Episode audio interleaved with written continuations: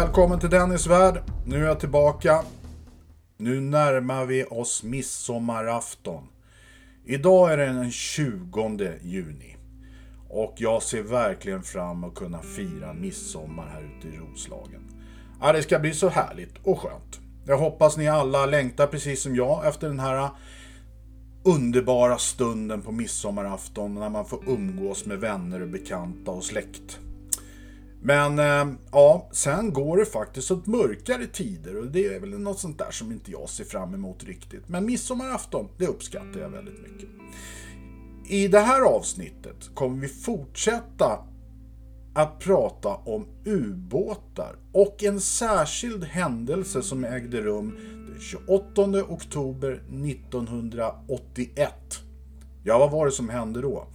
Jo, det gick en rysk ubåt på grund i Gåsfjärden utanför Karlskrona. Jag har intervjuat en person, nämligen Michael McLean, gällande det här. Han säger att eh, mm, det var redan förberett. Alltså, man lurade upp ubåten på grund. Men jag, jag, tänkte att ni skulle få lyssna på den här intervjun med Michael McLean så får han berätta varför han har kommit fram till den här teorin. Tyvärr så är ljudkvaliteten inte den bästa, men eh, ja, det är bara att skruva upp volymen. Jag kan ta min bakgrund i, i, i, i all korthet eh, på så sätt, för det tangerar lite grann det, det här som vi pratar om. Ja, ja. På så sätt att, att eh, eh, jag eh, via, via min, min, min far så som hade en, en, en faslig massa höga militärer springande hemma hos sig på helgerna och på middagar och drinkpartys och allt vad det var. Så, så, så fick jag själv kontakt med no några av de här höga herrarna i mina sena tonår. Eh, och, och, och, och det, det kom i för mig ett väldigt lägligt, eh, i läglig stund så att säga. Därför att jag hade precis mönstrat, jag hade tränat som satan för att komma dit jag ville. Var låg du någonstans? Hade, jag, hamnade till slut vid, vid uh, jägarförbandet på Norrland. Okay. Som, mm. som, som, um, som kompanibefäl. Och, och um, men, men beroende på att jag hade ett brytningsfel på, på, min, på, på min syn så ville man placera mig på skrivbordstjänst på K1 och det ville jag definitivt inte vara med om. um, och, och, så att en, en av kvällarna när, när det var ett antal höga eh, militärer på besök hemma hos oss så jag satt och snackade med en av de här gubbarna. Så, eh, och, och, så jag talade om vart jag ville och så vidare och hade tankar så, och så konstaterade han för mig att men du, det där är inga problem, så, utan du, du ska skriva till den och den personen eh, ett, ett brev och så ska du tala om att du är intresserad av att gå in och utbilda dig till blivande stambefäl. Och, eh, och så ska du hälsa från mig. Och, och ja, okej, okay, så jag skrev ner anteckningarna och så konstaterade han för mig att eh, eller så, så frågade jag honom i det läget att, att Eh, vem är den här personen jag ska skriva till då? Vem är han befattningsmässigt? Alltså, ja, ja, ja, så, ja men det är chefen för armén. Okej. Okay. Ja. Så, så, att uh, han fixade in mig på ett bananskal där så, att, uh, så jag fick en bra utbildning och det är jag evigt tacksam för. Mm. Um, och, uh, och därigenom så, så insåg jag också väldigt snabbt att okej, okay, eh, farsan sitter på en hel del tunga gubbar här. Mm. Eh, likväl som att det var lite eh, eh, kändisadvokater, det var um, um, uh, Stockholms polismästare Hans Holmér var vä- väldigt ofta på besök hemma hos oss och lite sånt där. Mm. Eh, Men genomgripande i det hela var ju att det fanns ju ett, ett väldigt, väldigt starkt mm, Palmehat. Mm. Eh, över hur man eh, inte vågade stå upp mot ryssen, som han uttryckte det. Ehm, och, ehm, och det här var ett alltså, genomgående tema på alla de här tillställningarna. Mm. Mm. Att, att vad, vad, vad kan man göra åt läget och så vidare. Sen hade vi ju eh, von Hofstens upprop i, i eh, DN, tror jag var, någonting sånt där va? Mm. När, eller om det var svenska. När, när han eh, gick ut med stor artikel och, och fick massa personer som skrev under med sina namn och så vidare. Så att det var ju mycket på gång hela tiden. Men, men frustrationen var ju just att, att man fick inte, som, som jag hörde en av de här höga herrarna säga själva, man fick inte eh, spara bevis. Nej, precis. Eh, för det, det vore liksom att störa då eh, storebror i öster. Utan eh, eh, och, och, och sen så passerar vi då till, till händelsen med U- U137. Eh, där det då började, och till stor del fortfarande, så snackas det ju så mycket om felnavigering. Ja, men, herregud, alla vi som har varit ute i svensk skärgård, vi vet att du, du, du kan liksom inte ställa in en autopilot och tro att du kommer från punkt A till punkt B. Liksom. Glöm det. Så är det. Ja. du, du måste faktiskt hålla lite, lite koll på, på, på navigationen. Mm. Men eh, så att det där var ju ett rent skitsnack, ingenting annat. eh, För att rädda sitt eget ansikte. Däremot så, så fick jag då höra från en av de högsta ansvariga som, som då satt hemma hos oss på, på kväll, eh, en, en kväll då efter att den här incidenten då hade hänt med lite distans. Jag, eh, vågar- jag ska låta det vara osagt när det var, om det, om det var under, under, under nästföljande vinter eller om det var under vårkanten. Va? Där, där någonstans. Mm. Så, så, eh, så, så sitter vi eh, i alla fall och pratar lite och, och när, när mannen blir lite på trycket så, så tycker jag liksom att nej, nu, nu, nu är det nog med allt tjafs om, om, om, om eh, felnavigeringar och så vidare. Nu ska ni få höra sanningen. Så här gick det till. Okej. Och, och, eh, och då talar han om rent ut att eh, de, de, man, hade ju, man hade ju tröttnat på att inse att, att ryssen i princip kunde ta sig ända fram till, till eh, eh, Örlogshamnen. Ja. Eh, och, och, och, och började fundera på hur, hur de kunde både ta sig in och ta sig ut med sån smidighet. Så att eh, den här mannen lä- lät ta, ta, fram nå, nå, ett antal röjdykare och skicka ner. Mm. Eh, som eh, då konstaterade att ja, men det var inga problem det här, va? för att det, det, det ligger ju sonarbojar på botten. Så att det, så att eh, det, det var ju för, för, eh, för, för U137 så var det ju att åka rena autostradan in. Mm. De, de visste precis vad de skulle vika av och så vidare. Bojarna gav utslag hela tiden. Mm. Så att eh, då gjorde man som så att man, eh, man kollade på, på sjökorten för, för området och, och så hittade man då en, en bra långdragen klippa i rätt riktning. Mm. Eh, och, och, och sen så skickade man ner dykarna igen och, och, och, och så, så började man sakta men försiktigt att flytta bojarna i sidled. Mm. Eh, så att de låg på samma avstånd som förut men att de nu styrde rakt mot den här långdragna klippan.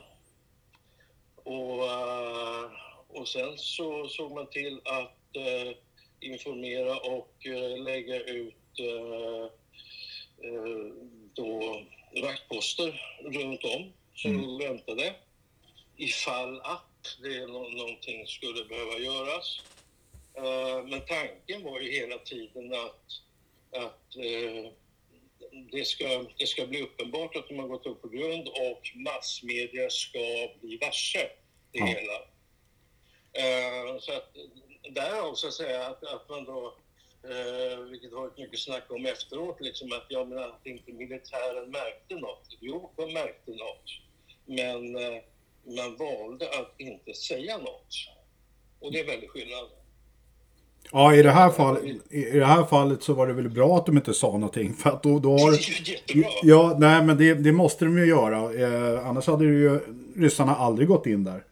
Men... Eh, Nej, nej precis. Och, och, och, och även om de hade gått på grund och man hade så att säga slagit larm ja, så skulle det naturligtvis på, på, på högsta nivå ha tystats ner blixtsnabbt. ja, Eftersom att man inte ville stöta sig med, med, med grannen i öster. mm, Eh, men, men om man nu låter det istället eh, då, då ubåten stå uppe i, i, i felsynlig och, och dessutom låter massmedia och nästan vallar dit massmedia Mm. för att se till att de verkligen ser det. Ja, men försök att backa på, på, på sanningen nu då. mm, mm, exakt. Nej. Och, och det var vad som hände. Ja. Ja, det, det, det här var ju helt nytt för mig kan jag säga. Jag har aldrig hört det här förut, men det, för mig det, det är väldigt eh, bra taktik från svenskarnas sida. eh, Och, och lura upp ryssarna och avslöja dem. Så att, eh, ja, det var bra. Det var bra gjort. Konstiga, det konstiga är att det är ingen som riktigt har pratat om det. Det är ingen som har nämnt det här. Nej. Nej, och det kan jag hålla med om. eh, För att, eh, eh, och, mer och mer i och med att åren går så, så tycker jag att men, men vad fan, liksom, släpp på det hela. Va? Berätta sanningen för folk. Va? Ja. Men men, men, men det, det, det nat- naturligtvis båda eh, politiska blocken eh, här i Sverige eh, såväl som i Ryssland så att säga att fortfarande kunna så långt som möjligt skylla på en olyckshändelse. Ja. Eh, därför att det, det, annars så är det ju, alltså det är ju otvetydigt att säga, det, det, det är en kränkning och det är inte bara en kränkning, det är dessutom en, en kränkning med ont uppsåt på så sätt att du faktiskt försöker att nå fram till en örlogsbas och kartlägga den. Ja. Kan det bli mer fientlig handling så utan att du egentligen går till direkt angrepp? Men det, det, det är en hårfin gräns däremellan. Ja. ja, det här var väldigt intressant. Det, och vi får väl se om det är några fler som kommer att höra av sig efter de har hört det här. Och kanske ha mer detaljer runt omkring det. Eh, För nu är det du den första som nämner det, så att vi får vi se. Det är intressant. Ja, det- vara spännande. Ja, tack. Det är jag väldigt tacksam. Och, och, eh, och, och så att säga, det, det eh, jag, har ju- som sagt, jag har ju hört det från, från verkligen så att säga förs, första källan. Alltså det, enligt den här eh, befälet själv så var det han som beordrade att man la om sonarbojarna och så vidare. Va? Så, eh, och, och, mm, han, han lever fortfarande så att jag, eh, jag, jag för hans skull så även om han inte är återkommen så kanske jag inte ska gå ut med hans namn. Ja. Nej, det, det är nog, det är nog skulle onödigt. det behövas så, så, kan, så kan man eh, naturligtvis gå den vägen också. Ja. Ja, risken är att vanliga traditionella media kommer att kontakta dig nu och vill höra mer. Det finns en risk. Ja, Men det, det är bra. Det, jag uppskattar det väldigt mycket att du är öppen. Ja, jag får sjutton. Alltså det, det, ehm, det, det, det, jag håller stenhårt på att eh, så, sa- sanningen ska ut. Va? Ja. Det är bara så. ja. Det Michael säger är nytt för mig. Det är ingenting jag har hört förut. Mycket intressant. Alltså.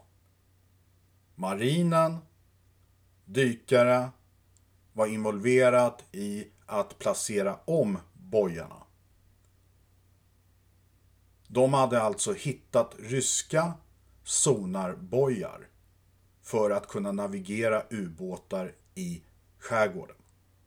De flyttade om bojarna och på så sätt lurade upp ubåten på grund. Jättesmart. Och det funkar ju. Ubåten hamnar ju på ett grund. Och media var ju där direkt. Så att eh, det här med att ryssarna skulle felnavigera så långt inne i skärgården. Den finns inte. Den här teorin med att vi upptäckte deras bojar och placerade om dem. Ja, den är, den är bra. Och jag förstår taktiken också. Det här handlade ju då om ubåt 137. Håll i er nu, för nu ska vi fortsätta. Michael kommer berätta någonting som, eh, ja, eh, ni får lyssna och avgöra själv om det kan ligga någon sanning i det hela. Men det handlar om eh, mordet på Olof Palme. Vilka var involverade i det? Lyssna. Min far var eh, en, en nära vän med eh, eh, Hans Holmér och, eh, eh, och, dessutom att eh, Hans Holmérs första, första giftermål det var med en släkting till mig. Eh, en, en kvinna som jag fortfarande har kontakt med trots sina 92 år. Ja. Så hon är riktigt pigg i skallen. va. Eh, och, och jag har funderat mycket just kring det här som jag nämnde för dig i början. Va? Med, med tanke på att det, det sprang så, så mycket eh, med, med eh, höga officerare, advokater och så vidare hemma hos oss eh, på helgerna. Det, det, det, som, som, som tonåring reagerar man inte så mycket men när man kommer upp runt 20 där omkring så börjar man liksom fånga in det hela på ett annat sätt. Va? Ja. Eh, och, och det var väldigt tätt med, säg så här för i en kort version, alltså det var, det var oerhört tätt med, med besök. Det var i, i princip så var det då eh, ett par stycken på middag var, eh, varje helg, alltså lördagar framför allt. Uh, eh, och det var det fram till uh, början på februari 86. Ja. Eh, från och med, eh, med, med eh, sen, sen så, eh, för, vi vet ju alla vad som hände den 28 februari 86. Va? Mm. Eh, första mars 86 då åkte min far av någon anledning, just den dagen så, så åkte han iväg på, på skidresa till Frankrike två veckor med en av sina nära också an, anförvanter som också var en klar Palmehatare. Mm. Eh, men eh, efter, efter mars 86 så har vi aldrig någonsin någon gång mer eh, någon form av social aktivitet hemma hos oss. Mhm.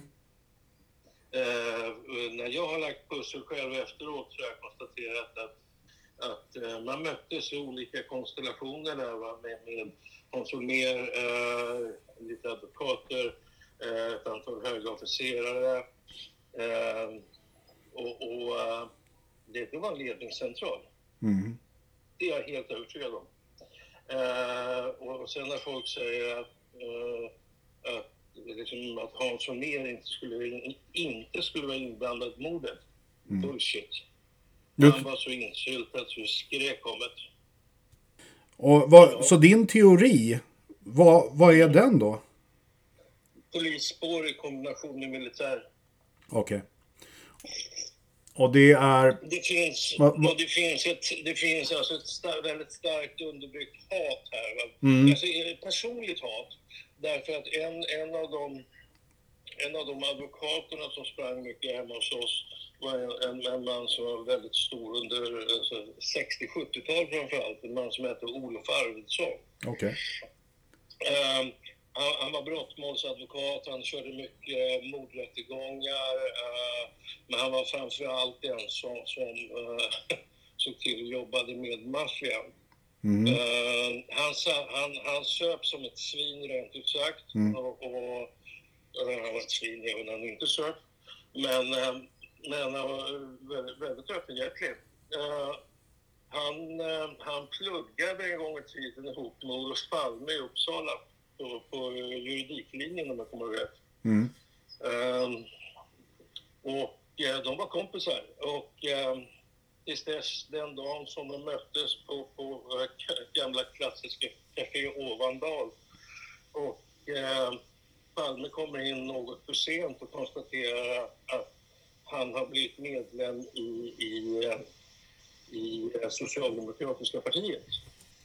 Och, och eh, vad Olof Arvidsson skäller ut honom och frågar om han är dum i huvudet. Okej.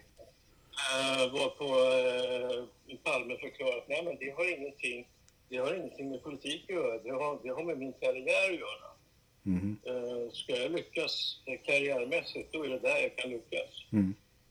Eh, så att, eh, det, det var en opportunist Mm. och ingenting annat. Va? Eh, och, och, eh, så att, och samma Ola, Ola Arvidsson satt gärna och berättade på, på över, över några whisky hemma i vår soffa om hur många i den undre världen som var skyldig honom tjänster och han behövde bara knäppa med fingrarna så, så, så skulle de eh, eh, eliminera den och den personen som i så fall behövdes och så vidare. Mm.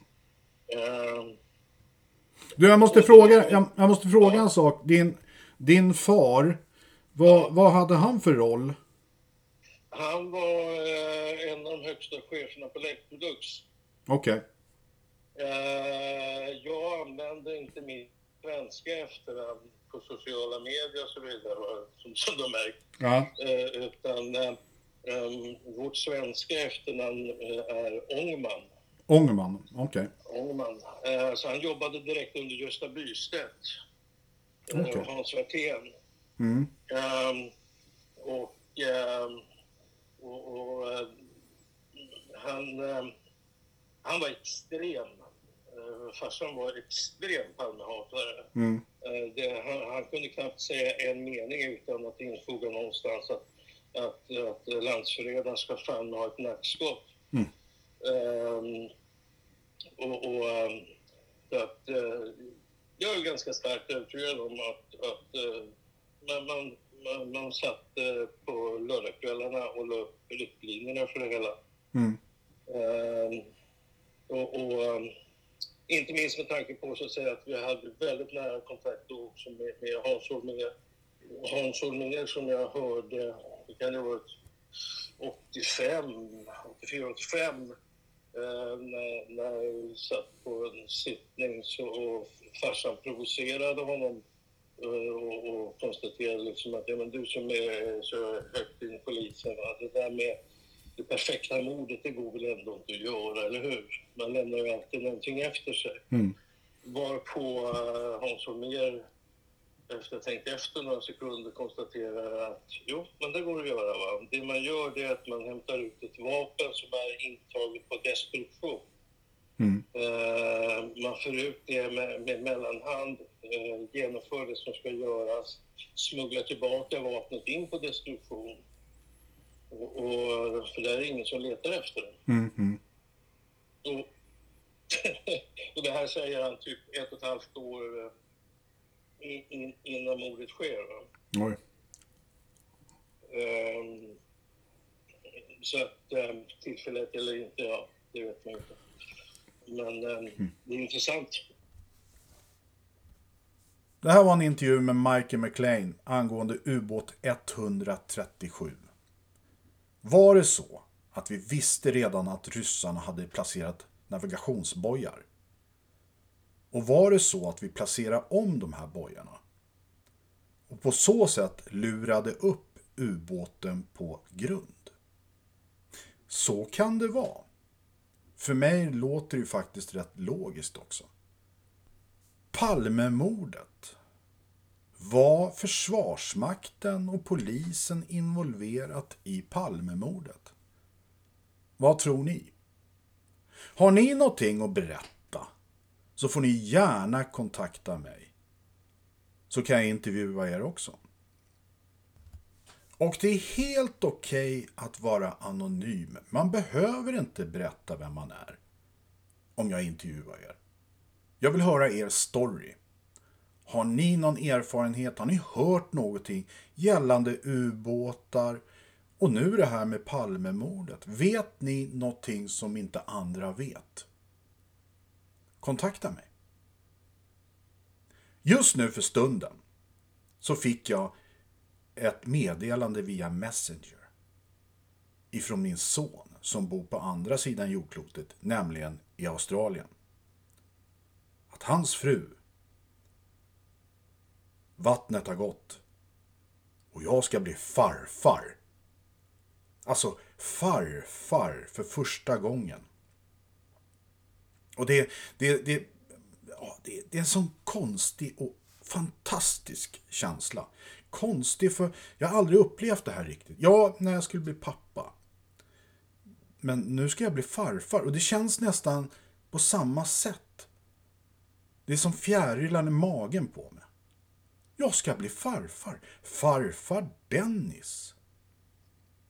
Och jag som ännu känner mig sådär som 25-30, men det är jag ju inte riktigt.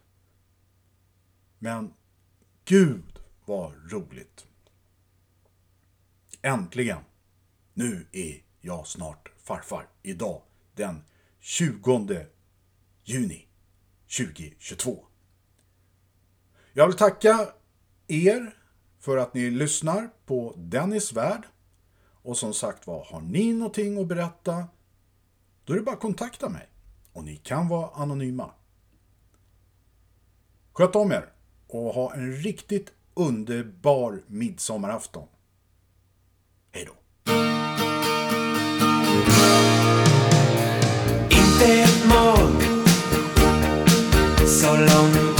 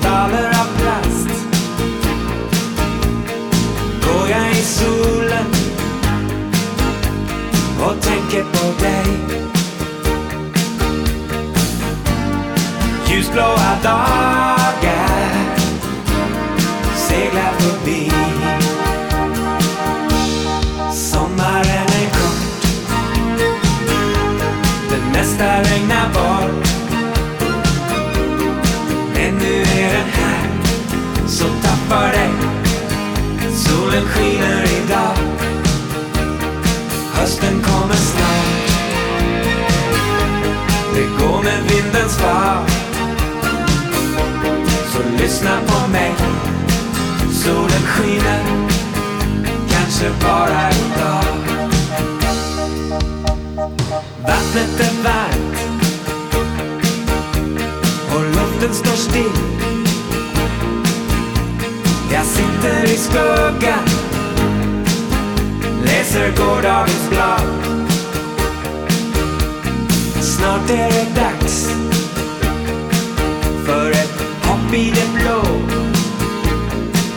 Få bort sanden mellan tårna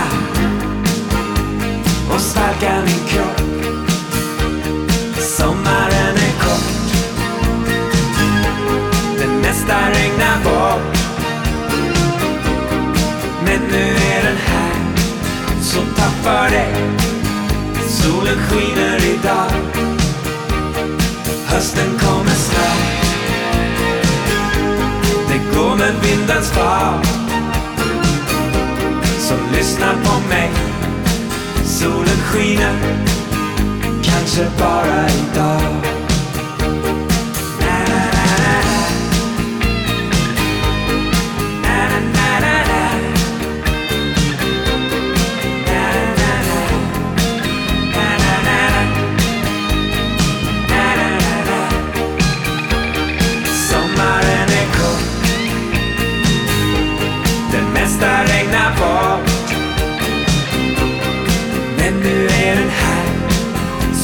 skiner Kanske bara idag.